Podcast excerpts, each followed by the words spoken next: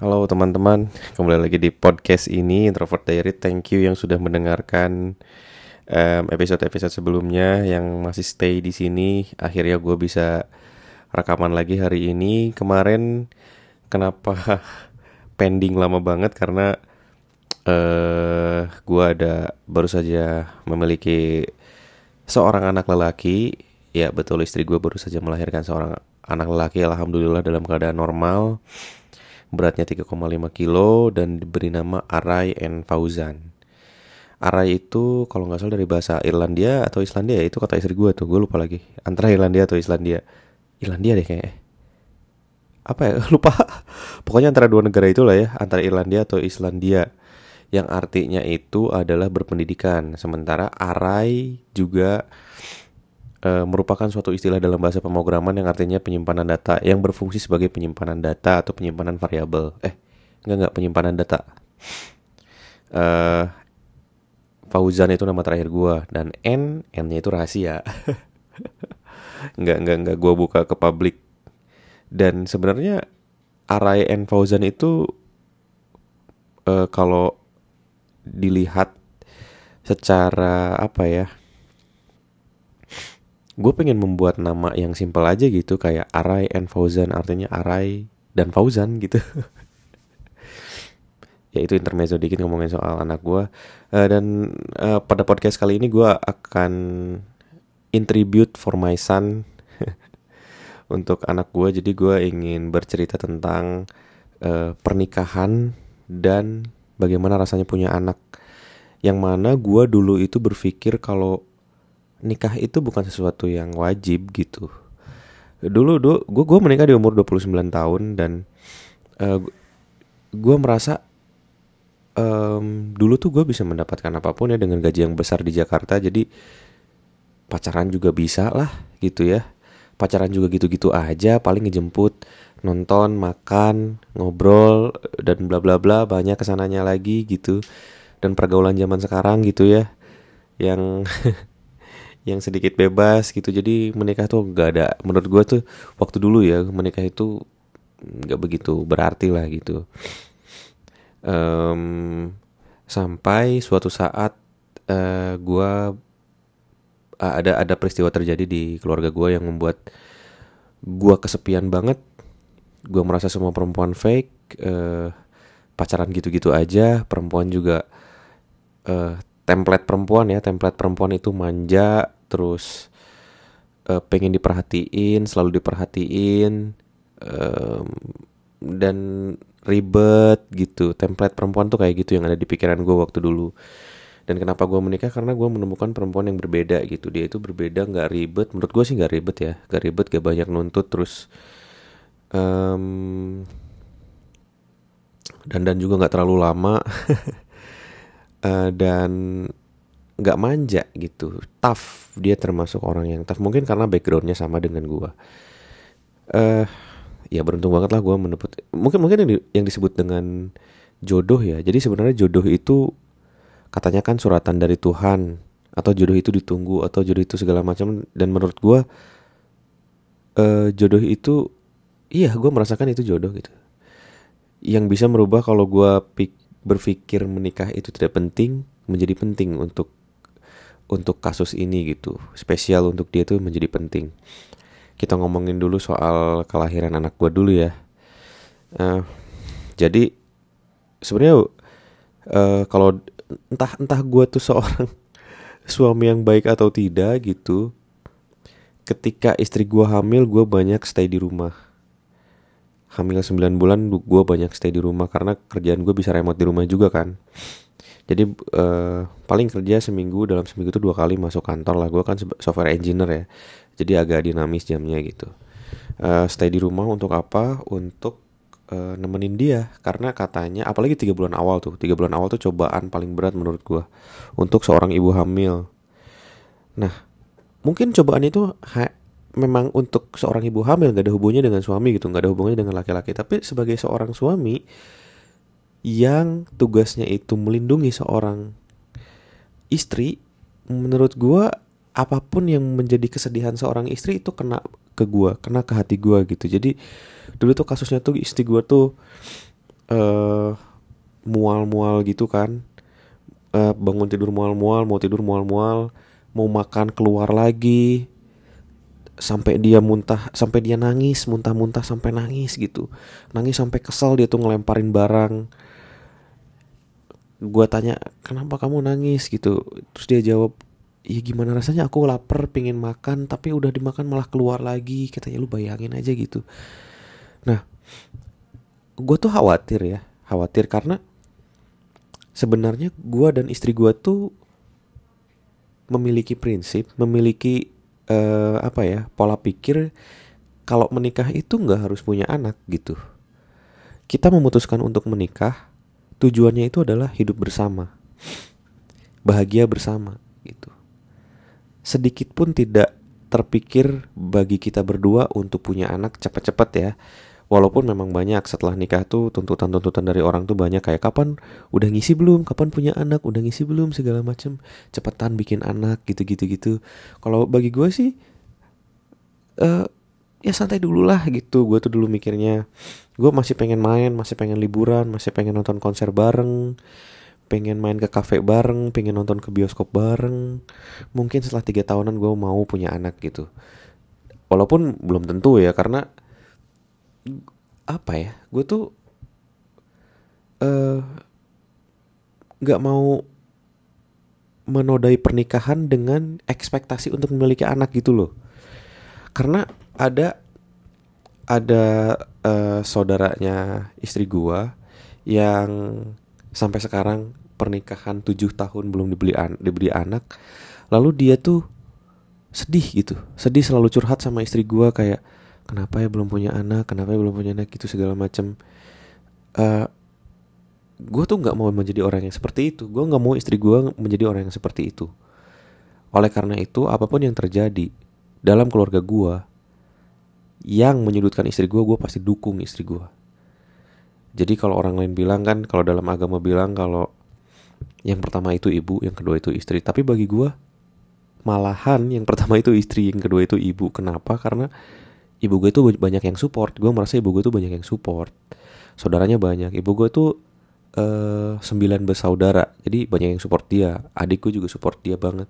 Sementara istri gue tuh dulu hidupnya rapuh supportnya sedikit dan menurut gue dia itu hanya memiliki gue gitu. Jadi eh gue hanya bisa support dia sih. Gak ada yang bisa gak ada hal yang lebih baik selain memberikan dia support gitu oleh karena itu, gue nggak masalah mau punya anak atau enggak pun sekalian gue gue nggak masalah gitu. Bukannya gue nggak mau, bukannya gue nggak mau punya anak, tapi gue seneng seneng seneng punya anak seperti yang gue rasakan sekarang ya.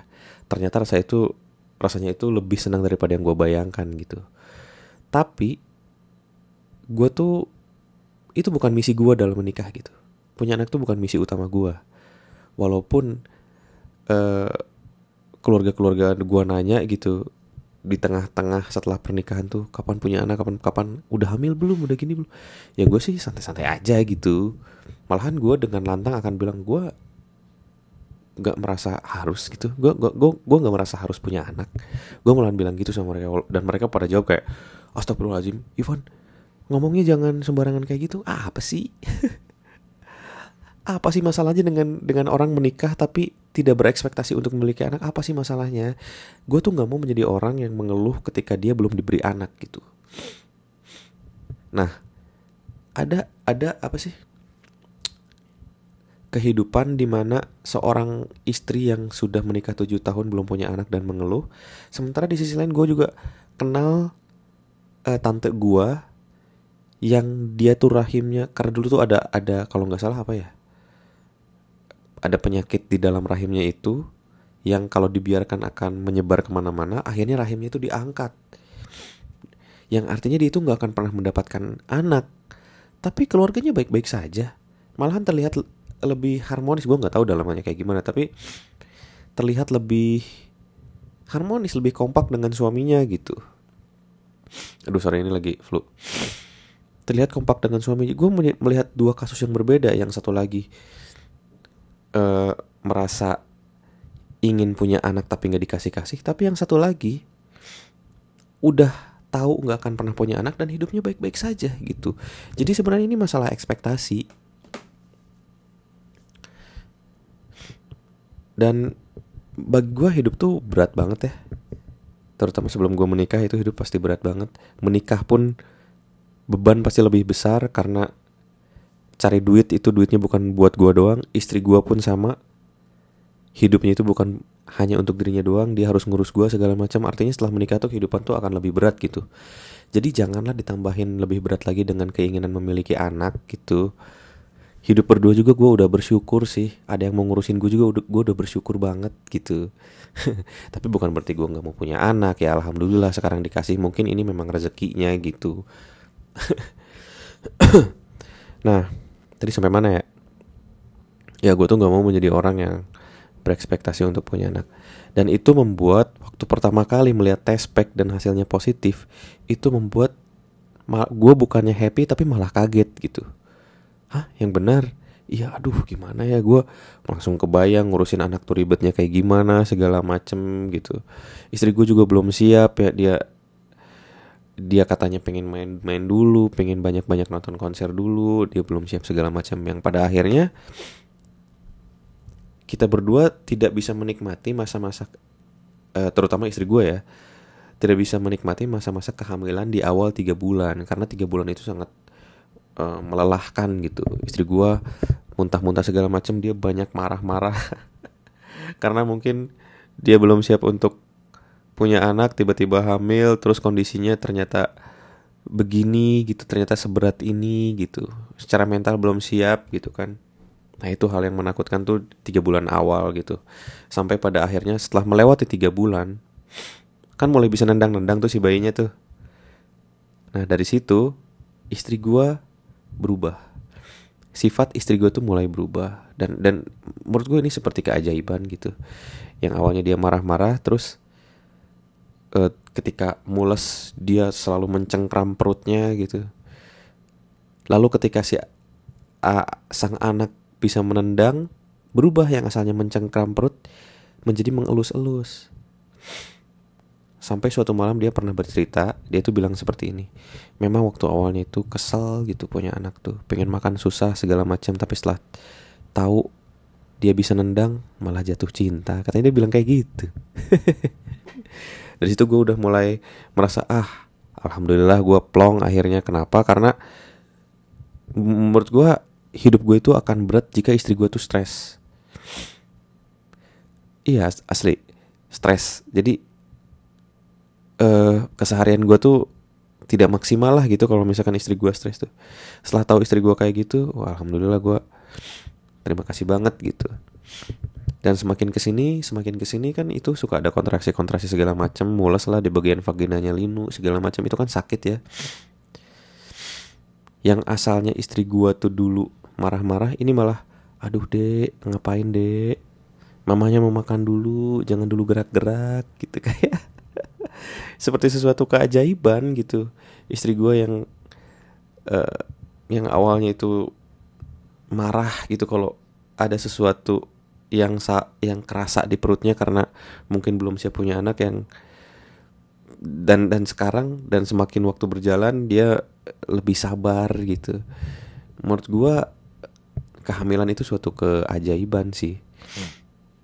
suatu keajaiban yang menimpa semuanya yang pada akhirnya membuat suatu keluarga menjadi ekosistem yang baik gitu. Oleh karena itu eh beb oleh karena itu kan banyak yang mau pindah ke atas. Mau pindah ke atas yang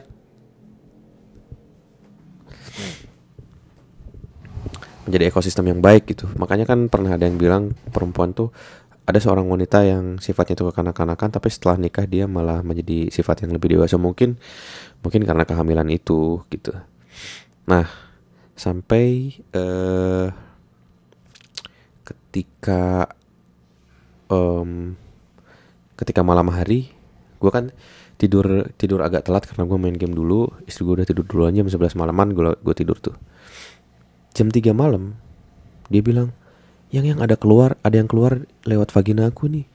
Basah nggak bisa ditahan katanya gitu. Wah jangan-jangan ketuban gitu kan. Ya udah akhirnya langsung gue bawa ke bidan terdekat yang memang langganan gitu memang langganan ke situ.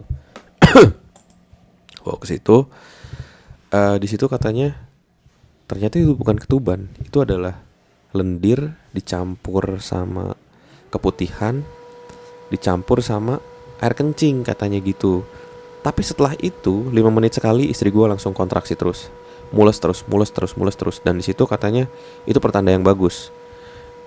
Dan dicek katanya sudah bukaan satu. Ah itu tuh jam 3 subuh.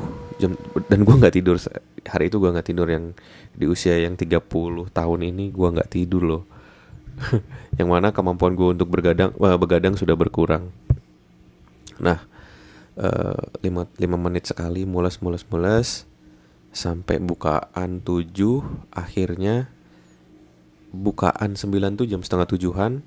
Akhirnya melahirkan jam 7 malam dan gue melihat sendiri proses melahirkannya. Dan ketika lahir kita semua nangis. Nangis dan gue melihat bayi itu keluar dari rahim dari dari vagina istri gue gue nggak melihat dengan jelas vaginanya tapi uh, pas anak itu keluar disimpan di perut istri gue dan wow seperti keajaiban gitu. Seorang bayi yang seorang anak yang biasanya gue lihat di USG 3D akhirnya lahir gitu. Dan wow keren banget. Dan dari situ gue udah plong alhamdulillah gitu ya karena uh, sebelumnya kan di WSG kan beratnya 3,1 gue takutnya semakin lama semakin membesar dan resikonya semakin tinggi gitu ya itu yang gue takutkan gitu. Dan ternyata lahir dengan berat 3,5 kilo bisa normal. Wow itu luar biasa. Anak pertama lagi katanya. Katanya jarang banget wanita yang bisa kayak gitu wah. Dan ada satu hal yang yang yang gue takutkan sih sebenarnya sih dari karena karena gue kan nggak suka anak kecil ya. Dari dulu tuh gue nggak suka anak kecil. Kalau misalkan ada anak kecil teman-teman gue yang punya anak gue tuh nggak mau gendong gitu. Gue juga ngajak main se semaunya gue aja gitu. Nggak nggak memperlak gue nggak tahu bagaimana cara memperlakukan anak kecil. Um, dan ada satu hal yang gue takutkan gitu. Yang gue takutkan adalah gue takut kalau anak gue nggak lucu.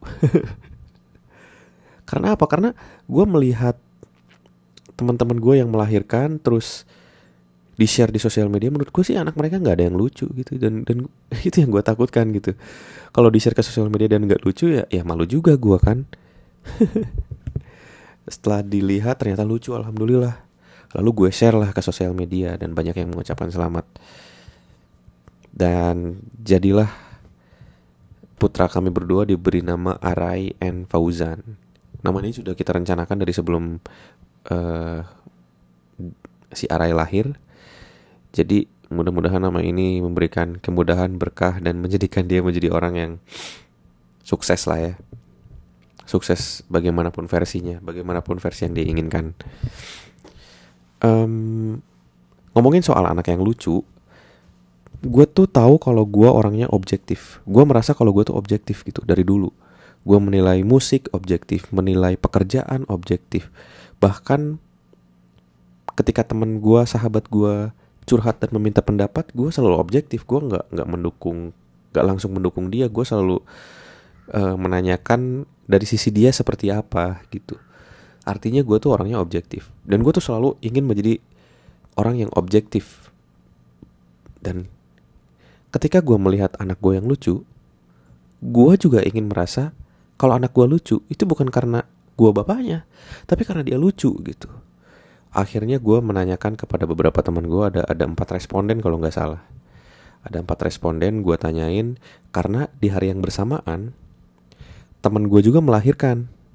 Istrinya teman gue melahirkan dan anaknya laki-laki juga. Pas gue lihat fotonya nggak lucu coy. Asli nggak lucu, malah pengen nampol. nggak lucu gitu. Dibandingin sama anak gua jauh banget lucunya coy. Lebih lucu anak gua. Oleh karena itu gua nanyain sama teman-teman nih takutnya gua tuh subjektif. Gua merasa anak gua lucu karena gua bapaknya gitu. Gua menanyakan sama responden pertama nanyain tuh uh, kira-kira anak satu anak satu anak A anak A ya anggap aja anak A. Anak A yang mana itu anak gua dan anak B yang mana itu anak teman gua lucuan mana? Nanya gitu kan Responden pertama menjawab nggak ada yang lucu karena dia nggak suka anak kecil. Oke. Responden kedua menjawab eh dua-duanya lucu. Oke. Responden tiga menjawab nggak ada yang lucu lagi. Oke. Responden keempat menjawab si B lucu. Anak gua nggak lucu loh. Kok bisa ya? Kok bisa anak gua nggak lucu? Orang lucu gini kan gitu. Terus gua terus teman gue tuh memberikan pendapat gitu. Katanya, ya kalau anak lu sendiri pasti lucu lah katanya. Kenapa? Karena anak lu itu adalah representasi dari lu dan istri lu. Udah pasti itu tipe lu, makanya lu pasti suka, makanya pasti lucu bagi lu katanya. Oke, masuk. Terus teman gue yang satu lagi bilang, anak itu pasti lucu bagi orang tuanya. Kenapa? Karena anak itu kan bikin susah hidupnya itu bikin susah orang tuanya. Maka oleh karena itu Tuhan menganugerahkan rupa yang lucu bagi orang tuanya agar ketika uh, anak itu menyebalkan, kita terobati dengan tampang lucunya katanya. Kita menjadi gak emosi karena ngelihat dia lucu katanya gitu. Wah ini masuk akal banget nih. Bisa jadi. Jadi um, itulah pertama kalinya gue mengakui kalau gue itu subjektif. Oke okay lah subjektif. Nah eh, peristiwa ini, peristiwa anak yang lucu ini, membuat gue berpikir dan membawa gue pada masa di mana eh, teman gue bertanya dan sekarang gue tahu jawabannya. Dulu tuh teman gue nanya kalau, aduh gue nggak direstuin sama orang tua, padahal gue suka sama cewek ini, suka banget, cinta mati gitu katanya, suka banget sama cewek ini. Nah dulu tuh gue nggak bisa jawab dan sekarang tuh gue tahu jawabannya. Kalau misalkan lu gak direstui oleh orang tua sementara lu suka banget sama cewek itu, hamilin. hamilin cewek itu asli. Kenapa? Karena budaya di kita kalau ada perempuan hamil di luar nikah, pasti sama orang tuanya itu dinikahin. Sama orang tuanya tuh di, diminta pertanggungjawaban dan yang mana pertanggungjawaban ini adalah pernikahan gitu. Yang pada akhirnya kedua orang tua lo itu pasti setuju. Mau nggak mau pasti setuju lah. Orang udah hamil duluan, pasti tuh dinikahin. Dinikahin hamil hamil kan pasti kan hamil punya anak. Dan anak itu lucu bagi lu dan keluarga lu gitu. Anak itu mau hasilnya haram mau halal pasti lucu kelihatannya bagi keluarganya. Jadi itu akan mengobati rasa kesal rasa tidak restu dari orang tua lu gitu. Memang absurd sih idenya sih cuman ya gimana lagi? Zaman sekarang kan hidup kita tuh uh, kita tahu mau gimana seperti apa hidup kita hidup tuh berat gitu ya. Kalau misalkan milih jodoh aja masih ditentukan sama orang tua ya tambah berat lagi hidupnya gitu. Ya tapi jangan jangan ditiru lah. Ini maksudnya bukan bukan opsi satu-satunya ya. Menghamili, menghamili seorang wanita bikin wanita hamil duluan tuh. Ya kalau masih ada opsi lain carilah opsi lain. Ini kalau kepepet aja kalau lu suka banget gitu sama cewek ini Dan kalau ngomongin hal yang gue rasain setelah menikah, yang awalnya gue rasa menikah itu nggak terlalu penting gitu ya. Menurut gue hal yang pertama kali dirasakan setelah menikah itu tidak seindah yang orang lain bayangkan gitu. Kenapa? Karena ketika lo pernah gak sih nanya sama, terutama lo kalau orang Sunda ya, nanya sama orang yang udah nikah terus nanya gitu misalkan uh, gimana sih rasanya nikah? Pasti mereka jawab kebanyakan ya, mostly mereka jawab tuh kayak, oh nikah tuh nikmat, enak gitu. Orientasinya tuh ke seks mulu jawabannya tuh coy.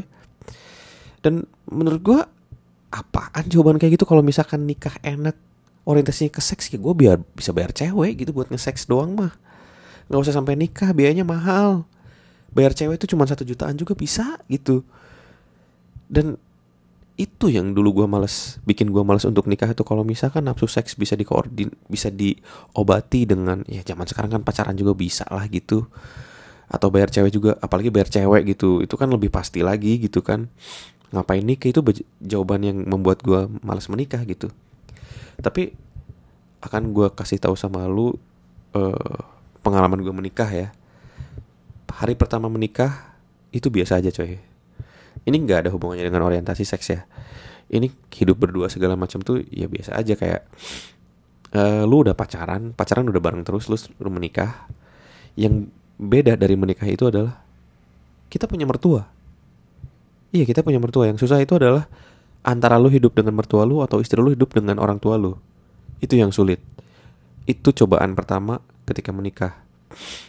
Yang mana hal ini yang akan membuat hubungan lu dengan pasangan lu itu terasa lebih berarti. Nah uh, eh, gue tuh uh, mendapatkan banyak nasihat dari ustadz-ustadz gitu. Terutama dari orang tuanya terutama dari mertua gue karena dia kan ustad kan. Nah dia tuh bilang kalau orang tua tuh lebih dulu ibu tuh lebih dulu dahulukan ibu. Walaupun misalkan ada dua orang yang lagi sakit e, misalkan istri dan ibu sakit di waktu yang bersamaan maka lu harus prioritaskan ibu katanya bukan istri. Nah kalau gue sih agak dinamis ya men menanggapi menanggapi nasihat-nasihat tersebut. Mungkin ada mungkin ada di keterangannya di dalilnya segala macam gitu. Cuman gue tuh lebih dinamis untuk menanggapi hal itu. Kalau gue sih menikah itu kan bebannya berat ya.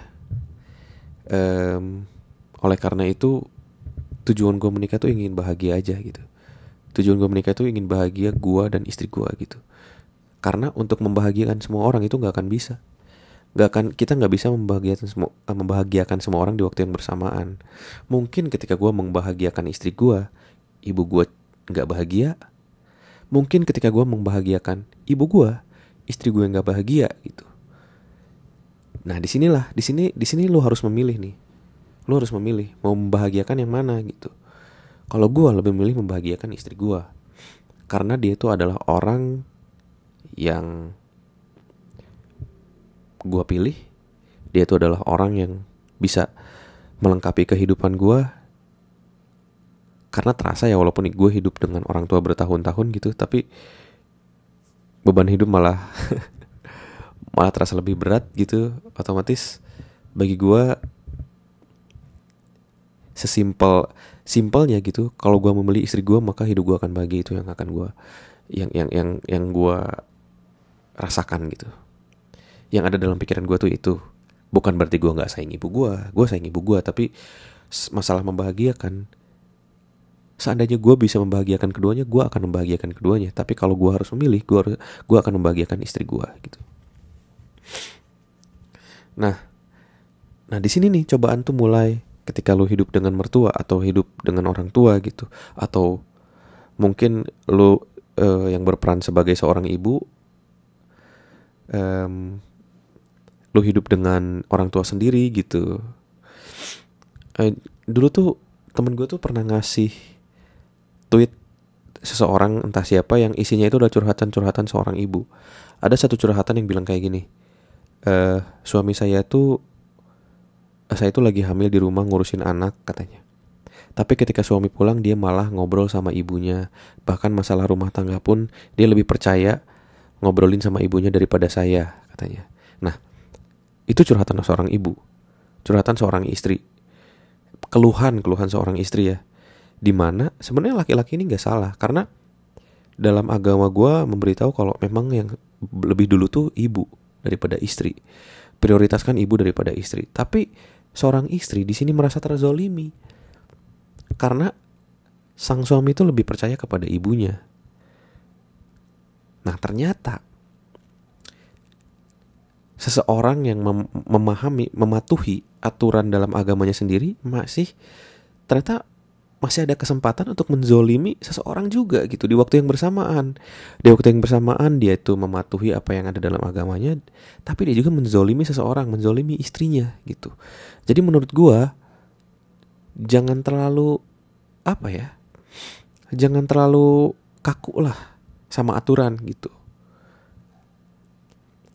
karena memang benar gue kita tuh tidak bisa membuat semua orang happy gitu kita tuh tidak bisa membuat ibu ibu mungkin keluarganya ibu dan istri semuanya bahagia gitu nggak akan bisa coy karena karena yang gue rasain ya kayak gitu jangankan itu setelah menikah cobaannya itu nggak hanya itu kalau lu keluarga besar uh makin besar lagi cobaannya yang terjadi dengan uh, kehidupan gue istri gue kan suka foto-foto di Instagram dengan pakaian-pakaian yang agak kebuka ya.